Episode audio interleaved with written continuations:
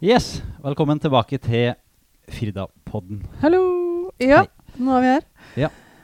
Eh, vær så god, Hans. Du skal få lov til å starte i dag. Ja, vi er Ja. altså da Hans Gressli og Ingvild Imerslund. Og vi har også med en gjest Ja. i dag, eh, som dere skal få høre litt mer om etter hvert. Vi skal bare si bitte lite grann først, fordi vi har jo litt på hjertet, Hans og jeg også. Ja. Um, og Hans, har du noe som du har tenkt på i det siste, som du tenkte at ah, ja, det skal jeg ta med i podkasten. Det er et lurt triks å ta med. eh, Ikke et lurt triks, men eh, en vanskelig sak. Eh, Ja. kommer rett fra personalmøtet. Så det jeg akkurat nå har tenkt litt på, som jeg stadig tenker litt på, det er hvordan man kan få til eh, vurdering for læring. Ja, Det tenker jeg litt på. det tenker du På på. en god måte. Ja, Hva er en god måte da, tenker du? Nei, jeg vet ikke. har du ikke løsningen, Hans? Nei, jeg har ikke løsningen. Har Nei, det? men det er mange dilemmaer. Er jeg syns det er mange eh, vanskelige ting med det. En ting er jo at eh, sånn som når du har et lite fag, så må man ha en del vurderingssituasjoner hvis man skal ha et reelt vurderingsgrunnlag. I hvert fall sånn at elevene opplever det. Og så vil Ja. man kanskje ha prøve å vurdere langs med, men så det er litt vanskelig å få til, spesielt i de små fag. da. Ja. Og så vil man vil man heller ikke at elevene skal oppleve at uh, de blir vurdert hele tida. Og så, ja.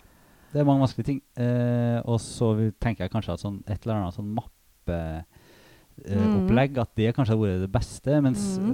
eh, ja, det er spesielt mitt hovedfag, geografi, er vanskelig fordi at du har så mange forskjellige tema. Sånn at det blir litt sånn at man har et tema, så er man litt ferdig med det. Fordi at man, det er Ja. vanskelig å undervise i hele faget som ett fag, på en måte. Ja. Så det tenker jeg på. Ja. Her er det mye å ta tak i. Jeg tror det blir en podkast om vurdering. Det, Ja, det det, er jeg helt sikker på. Det Ja. hører jeg faktisk. Ja, enn du? Eh, jo, altså jeg var et helt, helt annet sted. Eh, det på personalmøte? Eh, Nei, jeg var jo med der, selvfølgelig. Jeg hadde jo innlegg og alle ting. Eh, men eh, Nei, altså nå har jeg skjønt at eh, i koronatiden så kan jeg kjenne at jeg blir litt uh, stressa. Eh, at det er litt sånn usikkerhet rundt omkring. Og det lure trikset for meg da, det er enten å trene eller gjøre meditasjon eller lignende ting. Så nå har jeg tatt opp igjen yoga. Og det er, eh, kan jeg anbefale. En liten, etter en liten oppvarming, bli skikkelig god og varm i kroppen, og så gjøre yoga for å lande, det fungerer kjempebra. Og det er ikke noe sånn om å gjøre å tøye og bøye og sånn, men det handler om å liksom lande i kroppen og liksom kjenne at den er tydelig til stede. Det kan jeg kjenne er viktig, fordi da blir det fokus på her og nå, og ikke så mye om alt annet, eller det jeg ikke kan styre, f.eks. Ja. Så det er jeg ganske opptatt av, eh, rett og slett. Å få inn i hverdagen. Ja, det var eh, mitt eh, lille bidrag. Men vi har også en gjest med i dag, og det er em, en som heter Ingvild Helle Bolstad. Veldig fint fornavn, da, Ingvild. Du, har, du skriver det på rett måte òg, det liker vi. Eh, men du underviser Ja, du kan, kan du ikke fortelle litt om deg selv? Altså? Ok. Um, jeg underviser i norsk og historie i år, Uh, og har så vidt vært innom samfunnsfag for noen år siden. Um, og hva skal jeg si, da? Du, vi, vi må ha med at du, må- du må si litt om hvordan du var på videregående, og hvordan liksom, veien din fra videregående og til å bli lærer var. Mm. Ja. Eh, kan jeg først få si hva jeg går og tenker på for tida? Ja, så dere Ja. lov til å, å si hva dere Absolutt. går og tenker på for tida. Vær så god. Eh, for at eh, jeg går og tenker på noe helt annerledes enn det dere gjør igjen. Eh, Ja. for at eh, jeg tenker jo som vanlig på hage, og syns Ja. at det er skikkelig rart at vårblomstene begynte å blomstre i hagen Ja. min allerede. Eh, Ja. Og i går oppdaga jeg til både min henrykkelse og forskrekkelse at marsjcrossveden står og blomstrer nå. Og det hører han vel ikke til å gjøre. Så jeg blir både litt glad og litt bekymra for eh, Glad for å se blomstene og bekymra for eh, klimautvikling. ja. Mm. Så det går jeg og tenker på. Og hage er en annen prima måte å være til stede i eh, nuet Ja. på. ja. Syrinene blomstrer så vidt hos oss òg. Eller har begynt å spire. Oi. Så apropos. Ja. Ja. ja. Men uh, hvordan ble du eh. Ja, det var det. Um, mm, ja. Eh, da jeg var ferdig med videregående, så hadde jeg lyst å studere noen av uh, fagene videre. og så hadde jeg Ture Hilde i fransk, og jeg syns hun var en sabla flink lærer. Ja. Uh, og var veldig interessert i fransk og følte at jeg fikk til fransk. Um, sånn at jeg begynte å studere fransk. Ja. Uh, men så var jeg så himla sjenert, sånn at jeg Ja. greide ikke helt å få til å snakke foran helt ukjente mennesker. Så jeg Nei. feiga litt ut av den der eh, Ah. franskstudiet. Og da måtte jeg bare tenke litt på hva fag liker jeg. eh, og jeg likte jo biologi òg himla godt. Hadde Ottar Sande i biologi og syntes Mm. det var bare liksom, verdens beste fag. Eh, Ja. Men så hadde jeg hatt noen mattelærere som det ikke var like kjekt å ha. Og for å studere biologi videre, så måtte jeg ha matematikk. Og Mm. jeg følte ikke at det var aktuelt å ta matematikk, for jeg hadde jo bare slutta så fort jeg kunne Ja. med det. Mm. Så da kvalifiserte ikke jeg til å studere biologi. Eh, men et annet fag jeg likte veldig godt, det var historie. Eh, så der eh, peila jeg meg liksom inn på historie på universitetet eh, i Bergen. Og så studerte jeg historie, og så studerte jeg religion, og så studerte jeg informasjonsvitenskap, og så studerte jeg nordisk, og så tok jeg PPU, og så ble jeg mamma, og så uh, fikk jeg jobb, og så uh, liksom så ble det ja, og så bare egentlig ble det litt sånn. Men samtidig så Når jeg tenker tilbake til så har jeg jo egentlig alltid Sånn helt fra barndommen så lekte vi skole hjemme i garasjen og, og, eh, med mamma og pappa. Og da var jeg lærer, og jeg syns òg at det var veldig kjekt på en måte å, å lære vekk ting, eller sånn forklare på en annen måte. Ja, og sånne ting. Mm. Så Ja. kanskje hadde løyet der helt ifra jeg var lita, eller kanskje var det bare helt tilfeldig. Men jeg likte faget iallfall. Mm. Ja. Og er det ikke sånn at du er storesøster òg? Ja, hva er storesøster? Ja, men du har, dere er noen søsken i flokken, så du kunne være den som kunne undervise de som var litt yngre? Jo da, ja ja ja. Jo da, det var plenty, ja. plenty av småsøsken i gjengen. Vi er jo seks stykk, og så var det jo fullt i unger i, i byggfeltet på den tida. Så vi Ja. var en god gjeng i klasserommet i garasjen hjemme. Nettopp. Ja. Mm. men eh, hvordan var du som Du nevnte litt hvordan du var som elev, da, men eh, hvordan var du Kan du si litt mer om det? Hvordan du jeg var som elev? Ja. Ja, jeg var eh, gigantisk sjenert. Mm. Kjempe, kjempesjenert. Uh, ja, det tror jeg har vært hele sånn, grunnskolen ut videregående. Um, så jeg tror det er derfor jeg er litt sånn opptatt av nå i timene å legge til rette for liksom at uh, elever skal finne uh, noen måter å være muntlig aktive på. Eller sånn at jeg prøver å ha en variasjon av aktiviteter, sånn at man de sjenerte skal liksom ha Mm. eh, sine arenaer, de òg. At det ikke bare er denne plenumsdiskusjonen som de Mm. fleste forbinder med muntlig aktivitet i timene, som, Mm. som skal være den gjeldende. For jeg brann iallfall inne med masse, mange ting som jeg kunne ha vist, som ikke ble vist, for at jeg var så sjenert. Og rødma hvis jeg fikk ordet i klasserommet. Så jeg gikk alltid med høyhalsa genser, sånn at jeg kunne krype ned i halsen Ja. på genser. Det er helt sant. At, eh, men som eh, lærer så er det en helt annen rolle. Du har jo Mm. gått da fra en ganske sjenert eller veldig sjenert elev til å bli en lærer hvor du står Du står foran og skal lede hele den gjengen. Mm. Og snakker masse. Mm. Altså, hvordan har du kommet til den forvandlingen, på en måte? Jo, men jeg, selv om jeg var sjenert i klasserommet, så var jeg egentlig ikke sjenert i, i vennegjengen og blant folk Nei. som jeg var trygg på, så der hadde jeg jo ikke noe Nei. problem med å, å ta ordet og, og liksom lede møte, eksempel, i 4H og sånn. Hadde ikke jeg noe problem med. Så jeg var egentlig ganske aktiv både innenfor 4H og bygdeungdomslaget. Ja. Um, så så det mest, var mest sånn i nye sammenhenger. Så, men det gikk i grunnen eh, over etter hvert som jeg ble eldre. Kanskje sånn Fram til jeg var 25, så var jeg ganske sjenert. ja, så det er håp. Ja, det er det jeg sier til veldig sjenerte elever òg, at, eh, at eh, jeg skulle ønske jeg kunne når, Da jeg ble sånn 25-26-27, at jeg kunne ringe til meg sjøl når jeg var 13 år og bare fortelle meg sjøl at det kom til å gå fint. Ja. Ja, det er litt rart, men når man starter som lærer, så er man jo Eller jeg har egentlig ikke vært noe sjenert. Men eh, jeg syns likevel at det kunne være litt sånn skummelt de første timene de første årene, på en måte, og spesielt i starten med nye klasser. At det kunne være litt Mm. sånn Ja. Man var litt nervøs, men Mm. man tenker jo ikke på det lenger nå. Nei.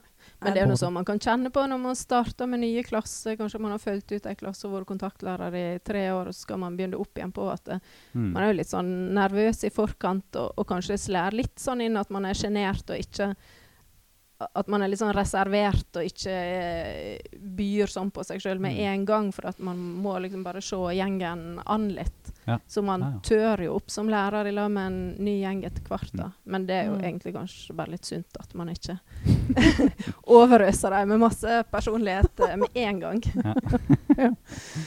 Ja, eh, men dette henger jo litt sammen med vårt tema i dag, som er øh, elevsyn. Uh, og da lurer vi litt på hva du tenker når du hører liksom ordet elevsyn, og hva, hva slags elevsyn du kanskje har. Hvis man kan spørre Mm. om det. Ja. Det er litt sånn skummelt å prate om, nesten, for det er et sånn stort tema. Eh, Ja, men det er jo eh, vel et av de viktigste temaene, eh, og, og viktig for eh, liksom de refleksjonene vi gjør oss om hvordan vi er som lærere, og hvordan vi er overfor elever, hvordan vi møter elever. Um, uh, og jeg tenker jo at det at vi har på en måte trua på at elevene kan tilføre noe, at de har uh, i seg uh, masse ressurser Mm. som vi, vi kanskje kan um, lære dem å bruke i forskjellige sammenhenger. Eh, det er jo ofte Nå satt jeg med elevsamtale rett før jeg kom hit, Mm. og, og spør liksom eleven om, om ulike sider ved skolehverdagen, og, og så sier jo eleven stadig at ja, det har ikke jeg tenkt på. Sant? At vi kan sette dem på sporet der for at de på en måte kan finne og bruke de ressursene som er i dem. Mm. Ja. Og, og gjøre oppmerksom på uh, ja, talentområde, mestringsområde, ressurser som de kanskje egentlig ikke visste at de hadde. Ja. Sånn, så jeg har trua på elevene, da. Ja. Jeg har trua på elevene, at det er masse godt og bra i dem. Mm. Mm. Og at det da på en måte vil på en måte vises i alt, eller hele lærergjerningen, på en måte. Eller i alt Mm. man gjør. Mm. For jeg tenker litt på det når, jeg, sånn når man retter prøver, så er det jo eh, eh, lett å lete etter feil. ja. Ja, men det er lett å påpeke Ja. feil. Det, det er litt sånn Av og til så går jeg inn i det og så tenker jeg at nå skal jeg på en måte finne, finne feilene. Fordi at hvis elevene Mm. ikke får en Eller noen elever, hvis de ikke får en sekser, så må de vite hva som var feil. Da er jeg veldig Mhm. opptatt av å vite hva som ikke var helt rett. Men, eh, men eh, jeg prøver jo liksom å, å heller peke på og vise dem hva de har gjort som er bra, eller i hvert fall være tydelig på det i tillegg, da. Mm. Men, men jeg føler nesten at elevene òg er opptatt av at de skal eh, At de er mer opptatt av, og det ligger vel sånn gjennomsyra vel hele samfunnet, at man er opptatt av hva som er feil. Ja, Eh, ja. Og så ikke man så, legger ikke man så godt merke til hva som er bra hele tida. Sånn at Mm. jeg, jeg føler at det, det er nesten sånn at du må endre tankesettet deres for å, at de skal legge merke til det du sier til dem at er bra. Mm. For akkurat som det du skriver som beiring, det er det som på en måte tar helt sånn Dominerer deres tenking om den vurderinga de har fått. da. Mm. Men det er muligens i menneskenaturen at man bare er sånn. Ja, Ja, men det. det, blir ikke bare det heller? Eller eh, tenker ikke man at det er litt mer sånn nå enn det var for 10-20 år siden? Eller? At uh, elevene Fokuset på liksom at ting må være perfekt. Mm. Nei. Nei? Nei. Da gikk jeg også på skolen. Uh, nei, vet du. nei.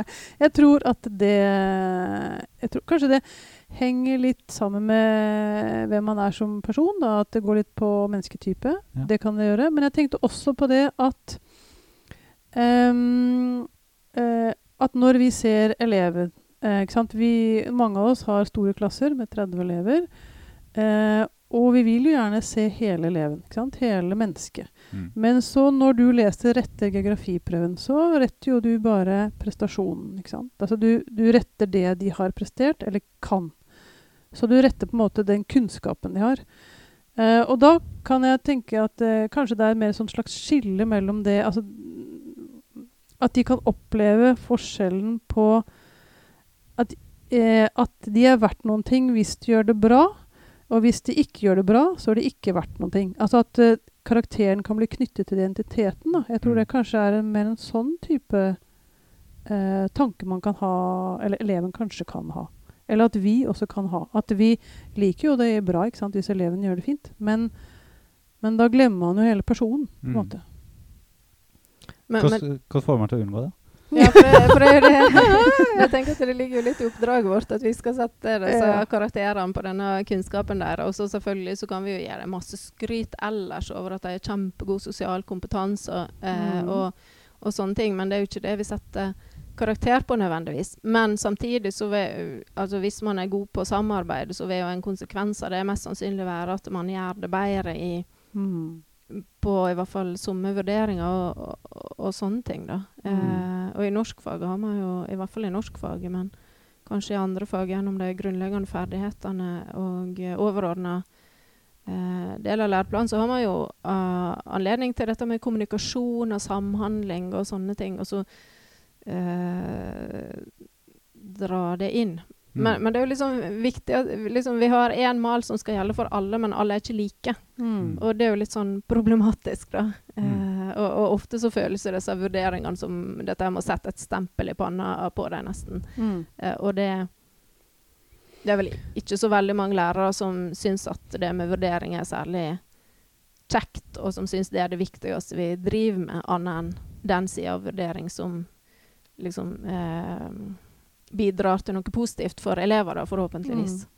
Men hvis man tenker mer sånn som han snakket om i innledningen, da, altså at man tenker vurdering for læring, eller vurdering som en prosess, eller vurdering for å videreutvikle seg, så kan man jo så kan jo disse vurderingene Og det, vurderinger fins jo alle mulige slags slag. Altså det fins jo veldig mange typer vurderinger. Mm.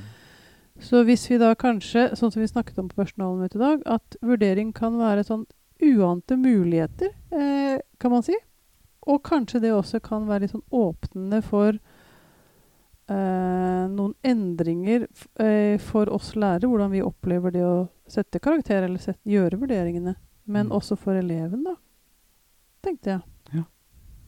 Hva tenkte du, Hans? Ja, jeg er enig, men jeg tenker at den karakteren ofte eh, blir litt sånn eh, Den skygger over alt annet litt fort, da. Så det Så kan man jo gjøre grep i forhold til det. Man må jo ikke gi karakterer før, eh, før eh, etter første termin, men samtidig så hvis det elevene egentlig da bare leter etter, er hvor man legger på karakterskalaen ut ifra det de leser i vurderinga, så er det ikke sikkert at det hjelper så mye, det heller. Men, men der er det jo litt Det er jo noen lærere som nå kjører første termin uten Mm. karakter. sånn det, det blir veldig spennende å, å høre litt mer med deg hvordan det eh, funker. Mm. Eh, Mm. og hvordan de da opplever ja, læring og mestringsfølelse til elevene og sånne ting. Mm.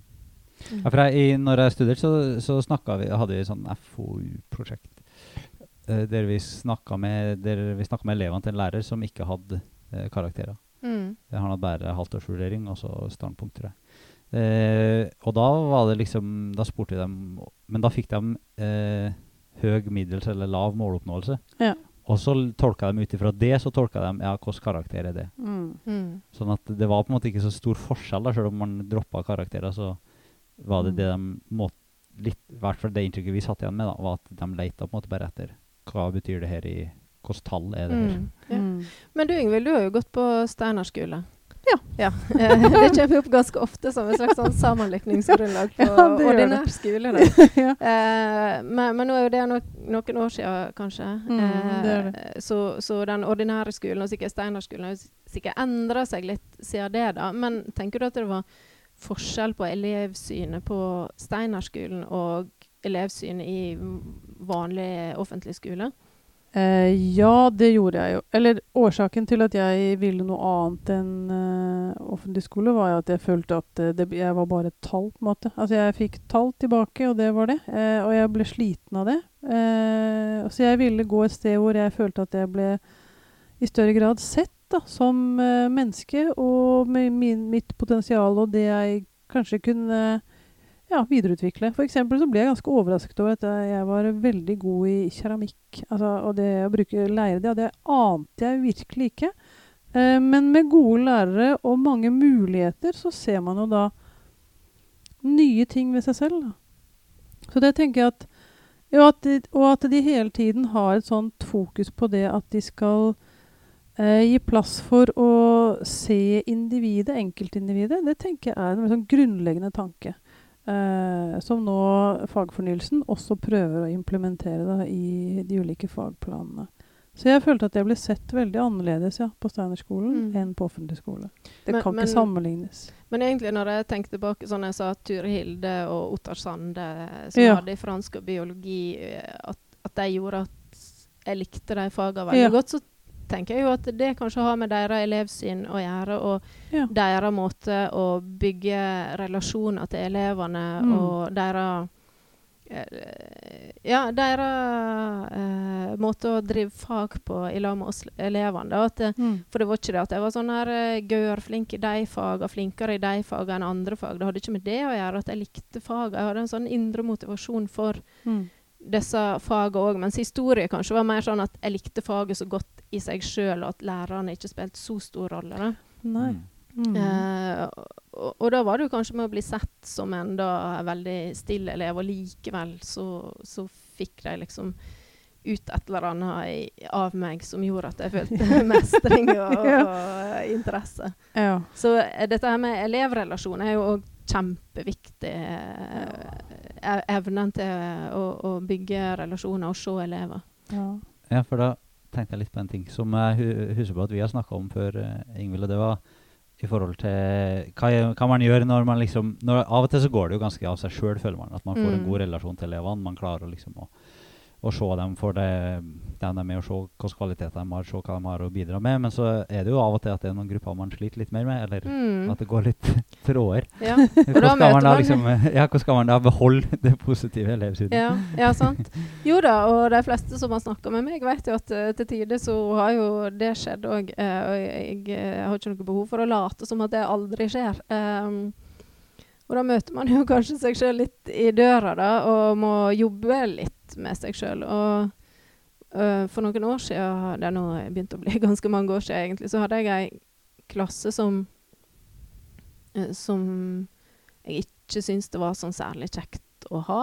eh, rett og slett. Og jeg prøvde litt sånn forskjellige ting. De var veldig sånn daffe, helt nøytrale. Ikke sånn at det var noe sånn trøblete å ha dem, men det var liksom ikke no ble ikke noe fart i sakene Mm. heller. da.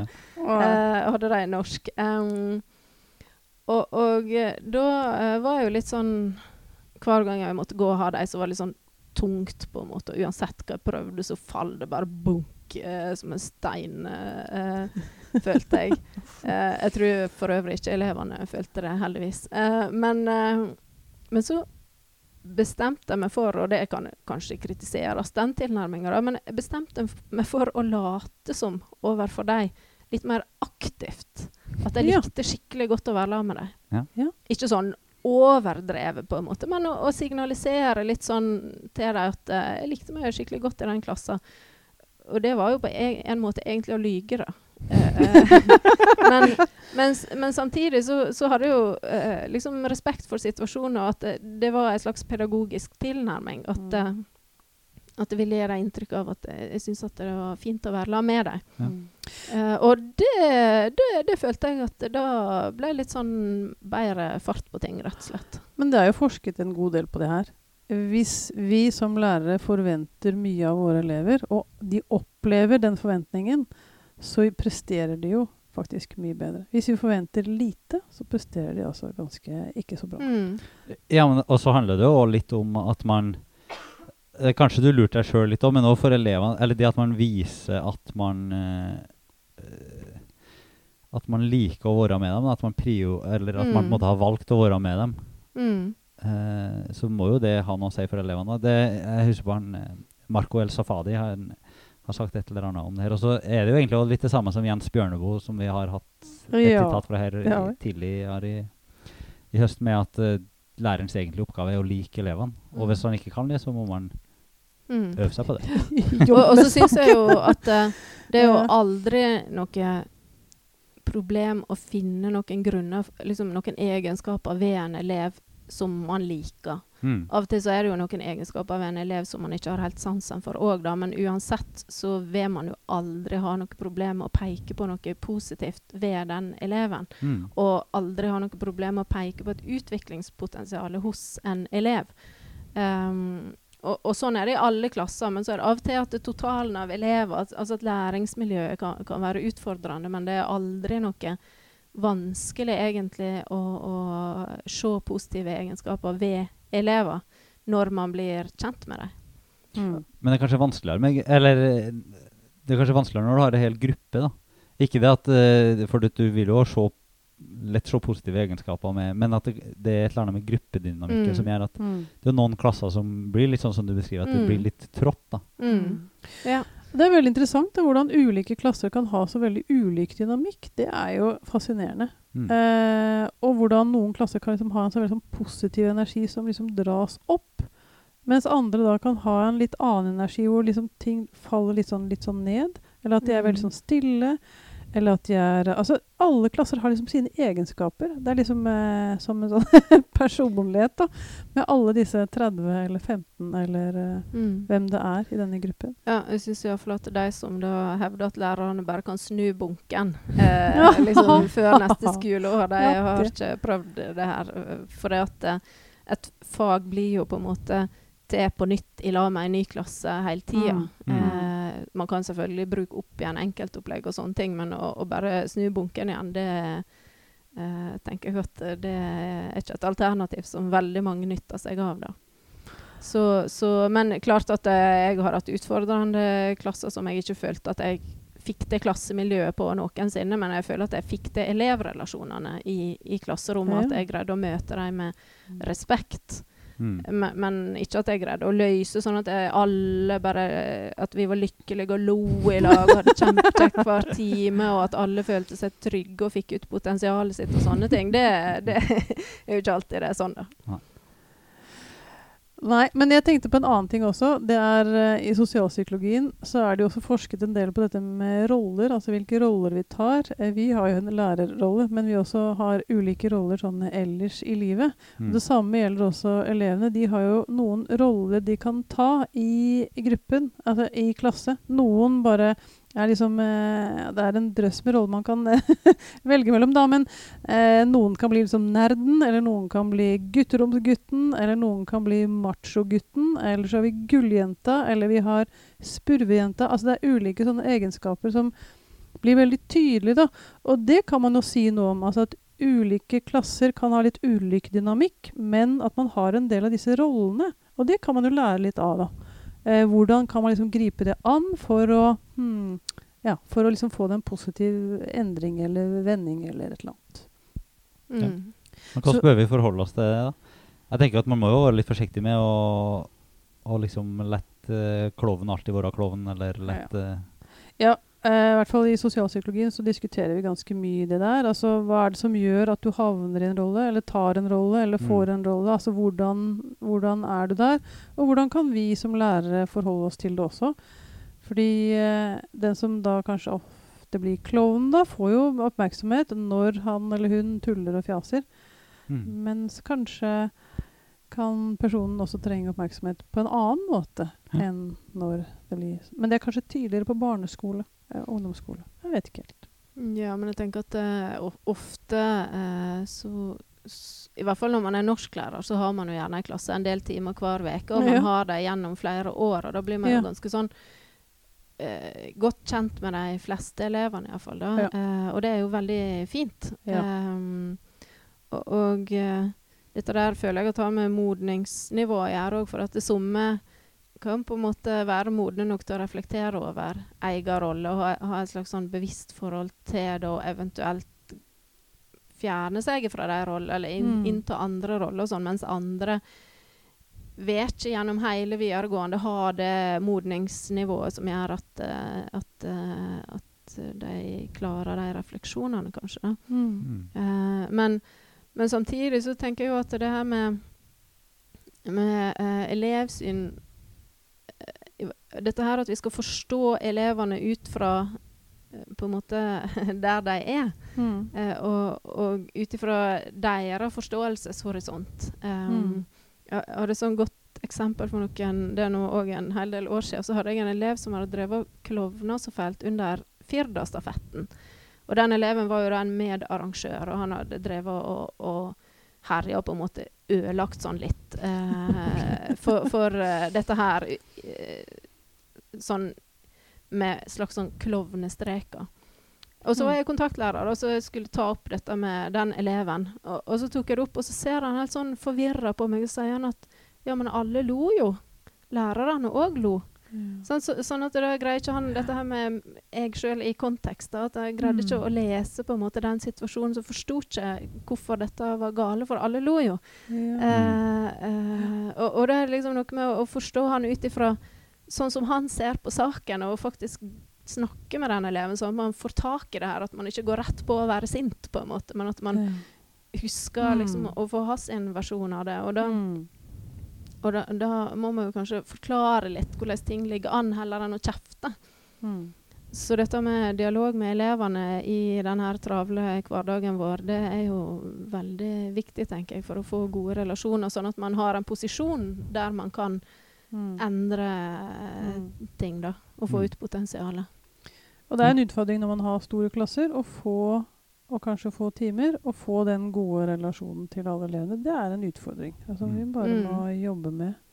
Ja, det er noe som vi skal ha et bevisst forhold til. For Mm. at det, er liksom lett, jo, det er jo kjempekjekt å snakke med de elevene som er interessert i faget vårt, og sånne Mm. ting, og de som på en måte eh, sette i gang samtale sjøl og stille spørsmål og sånne ting. Men jeg prøver å ha en sånn gjennomgang med meg sjøl sånn eh, i løpet av siste veka eller to veker har jeg sett på den eleven, har jeg Ja. snakka med den eleven, sånn at jeg finner disse blindsonene mine. Mm. Eh, for at de, de fins jo, de. Og det, det Ja, er jo de lett finnes. før når du har klass, store Ja. klasser hele tida, og man har det travelt, og man er stressa, Mm. og det er mange som vil snakke med deg aktivt, eh, og Mm. liksom, så, så er det fort gjort at disse blindsonene oppstår.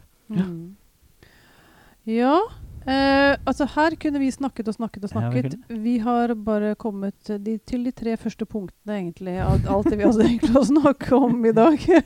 Men helt til slutt, Ingvild, hadde du et sånt dagens eh, tips? Det kan være hva som helst. En god bok eller et eller annet. eh, Eller som lærer. Eh, ja, jeg, jeg tenker nå det siden jeg sitter her i lag med eh, egentlig både deg og Hans, som jeg har eh, samarbeidet masse med deg, da. Vi Mm. har jo hatt en del som fag i lag. Men jeg og Hans vi kjører et eh, tverrfaglig prosjekt nå i høst. Um, Mm. der, som vi aldri har gjort før, og det er norsk og naturfag i første klasse. og som Vi har jo en plan for hvor det skal ende, men det er jo òg litt sånn at veien blir til eh, mens man går. Og det syns jeg bare er så kjempekjekt. Så eh, dagens tips må bli liksom å tørre å, å prøve noe der du ikke liksom vet helt detaljert hvordan det skal gå, men du prøver selvfølgelig å styre det, da, men at man tør å utvikle noe sammen. Ja, Det kan jeg skrive under på. Jeg gjør også lignende prosjekt. Det er kjempespennende. Man vet aldri helt hvor man eh, kommer, men det blir noe ut av det etter hvert. Og jeg tenker at både vi og elevene får øvd på prosess. Det er jo Mm. fabelaktig. Mm. Det trenger vi alle. Men det må da understrekes at vi har jo noen mål med det her.